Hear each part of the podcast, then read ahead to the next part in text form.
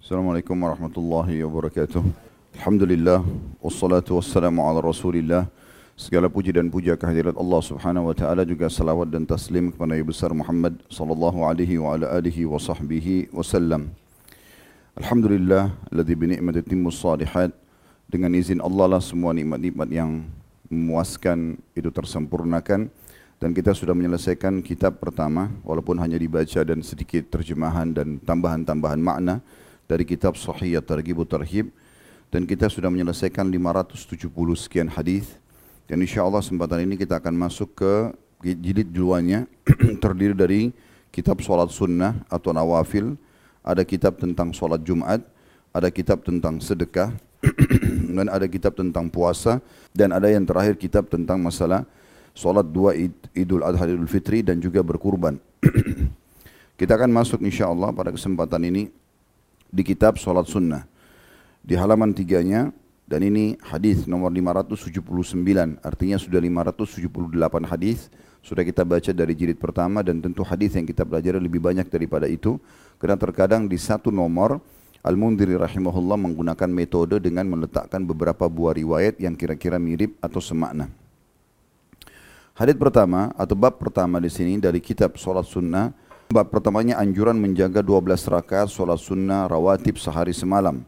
Hadis pertama dengan sanad sahih urutan 579 dari awal belajar berbunyi dari Ummu Habibah Ramla binti Abi Sufyan radhiyallahu anhuma. Ramla radhiyallahu anha adalah istri Nabi sallallahu alaihi wasallam dan Abu Sufyan ayahnya seorang sahabat radhiyallahu anhum. Maka kita mengatakan radhiyallahu anhuma dia berkata Aku mendengarkan Rasulullah sallallahu alaihi wasallam bersabda, "Ma min 'abdin muslimin yusalli lillahi ta'ala fi kulli yawmin thintai ashrata rak'ah tatawwu'an ghaira fariḍah illa bana Allah ta'ala lahu baitan fil jannah atau illa bunya lahu baitun fil jannah." Tidaklah seorang hamba muslim salat karena Allah Ta'ala di setiap hari 12 rakaat salat sunnah bukan fardu. Melainkan Allah akan membangunkan untuknya sebuah rumah di surga atau melainkan akan dibangunkan untuknya sebuah rumah di surga. Hadis ini riwayat Muslim, Abu Dawud, An-Nasai dan juga At-Tirmidzi. Hanya saya dalam riwayat Tirmidzi ada tambahannya arba'an qabla dhuhri wa rak'ataini ba'daha wa rak'ataini ba'da al-maghrib wa rak'ataini ba'da al-isya wa rak'ataini qabla salatil ghadat. Dalam riwayat Tirmidzi ditambahkan dan dirincikan 12 rakaat itu, yaitu 4 rakaat sebelum duhur. Seperti tadi, Waktu kita sebelum sholat duhur ada empat rakaat. Kebanyakan ikhwah saya lihat sholatnya juga cuma dua rakaat. Padahal masuk dalamnya adalah empat rakaat sebelum duhur. Kemudian dua rakaat sesudah duhur, berarti sudah enam. Empat sebelum duhur dan dua sesudah duhur. Dua rakaat sesudah maghrib, berarti sudah delapan. Dan dua rakaat sesudah isya, ini sudah sepuluh. Dan dua rakaat sebelum subuh, ini berarti dua belas rakaat sehari semalam.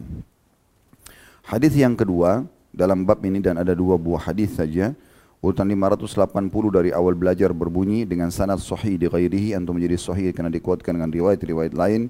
Dari Aisyah radhiyallahu anha dia berkata Rasulullah sallallahu alaihi wasallam bersabda man thabara ala thintai ashrata rak'atan fil yawmi wal layla dakhala al jannah arba'an qabla adh-dhuhri wa rak'atayn ba'daha wa rak'atayn ba'da al-maghrib wa rak'atayn ba'da al-isya wa rak'atayn qabla al-fajr Barang siapa yang menjaga 12 rakaat sehari semalam, niscaya dia masuk dalam surga, yaitu empat rakaat sebelum duhur, dua rakaat setelah duhur, dua rakaat setelah maghrib, dua rakaat setelah isya, dan dua rakaat sebelum subuh.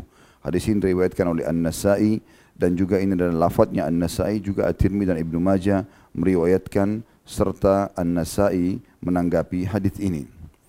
Dari dua buah hadis ini atau tiga riwayat tepatnya Karena di riwayat nomor satu tadi turun nomor satu ada dua riwayat menjelaskan kepada kita pelajaran pertama adanya anjuran dari Nabi SAW untuk selalu menjaga solat sunnah secara umum dan secara khusus menjaga 12 rakaat sehari semalam yang semuanya ini berhubungan dengan solat-solat wajib. Sudah disebutkan tadi empat rakaat sebelum duhur, dua rakaat sesudah duhur berarti sudah enam, dua rakaat sesudah maghrib berarti sudah delapan, dua rakaat sudah isya berarti sepuluh dan dua rakaat sebelum subuh berarti dua belas rakaat. Kemudian yang kedua, keutamanya adalah mendapatkan istana di surga. Bisa bermakna setiap kali selesai mengerjakan dua belas rakaat dalam sehari semalam langsung diberikan istana di surga atau memang bagi orang yang rutin menjaganya. Jadi bisa bermakna dua-duanya. Tapi tentu rahmat Allah Subhanahu taala luas. Allah bisa memberikan kita banyak istana di surga ya. Sebagaimana juga sabda Nabi SAW contohnya siapa yang membangunkan rumah Allah di muka bumi maka Allah akan bangunkan baginya istana di surga. Man bana baitan lillahi bana Allahu lahu baitan fil jannah. Ini tentang masalah membangun masjid. Seorang sahabat bertanya ya Rasulullah, tidak semua orang mampu membangun masjid. Maka kata Nabi SAW, karena sahabat ini berpikir biayanya mahal. Maka beliau bersabda, ini akan diberikan kepada setiap orang yang membangun rumah Allah atau masjid walaupun seperti ya, sarang burung saja. Jadi menyumbang sedikit pun, misalnya di setiap pinggir jalan ada kotak amal untuk pembangunan masjid atau renovasi masjid. Lalu kita menyumbang. Walaupun cuma dua ribu rupiah kita sudah dapat istana di surga. Kalau kita lewat di jalan lain ada lagi kotak amal yang lain juga sama renovasi masjid lalu kita berikan dan juga sama diberikan kepada masjid maka akan dapat lagi. Begitu banyak peluang kita untuk mendapatkan istana-istana di surga. Dan bukan mustahil makna daripada hadis ini sejalan dengan itu. Artinya kalau sehari semalam seseorang muslim itu menjaga 12 rakaat ini sudah dapat istana di surga. Terlebih lagi bisa saja seseorang memang ajalnya datang pada hari itu. Sehingga kalau dia hanya bisa mengerjakan satu hari kemudian dia meninggal, maka tetap juga mendapatkan keutamaan daripada hadis ini.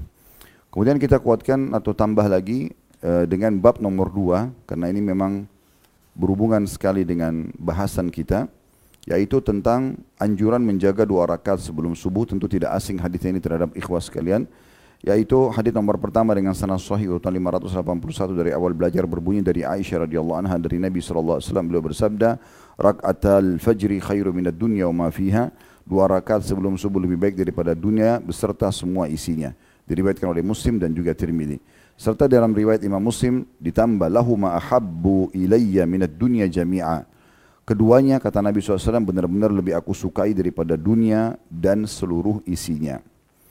Riwayat nomor dua dengan sanad sahih urutan 582 dari awal belajar dan dari Aisyah juga radhiyallahu anha dia berkata, "Lam yakunin Nabi sallallahu alaihi wasallam ala syai'in minan nawafil ashaddu ta'ahudan minhu ala raka'atil fajr." Tidak ada sesuatu pun dari solat-solat sunnah yang lebih disiplin yang lebih disiplin dilakukan oleh Nabi sallallahu alaihi wasallam eh, melebihi dua rakaat sebelum subuh. Hadis ini diriwayatkan Bukhari, Muslim, Abu Daud, An-Nasai dan juga Ibnu Khuzaimah dalam sahihnya.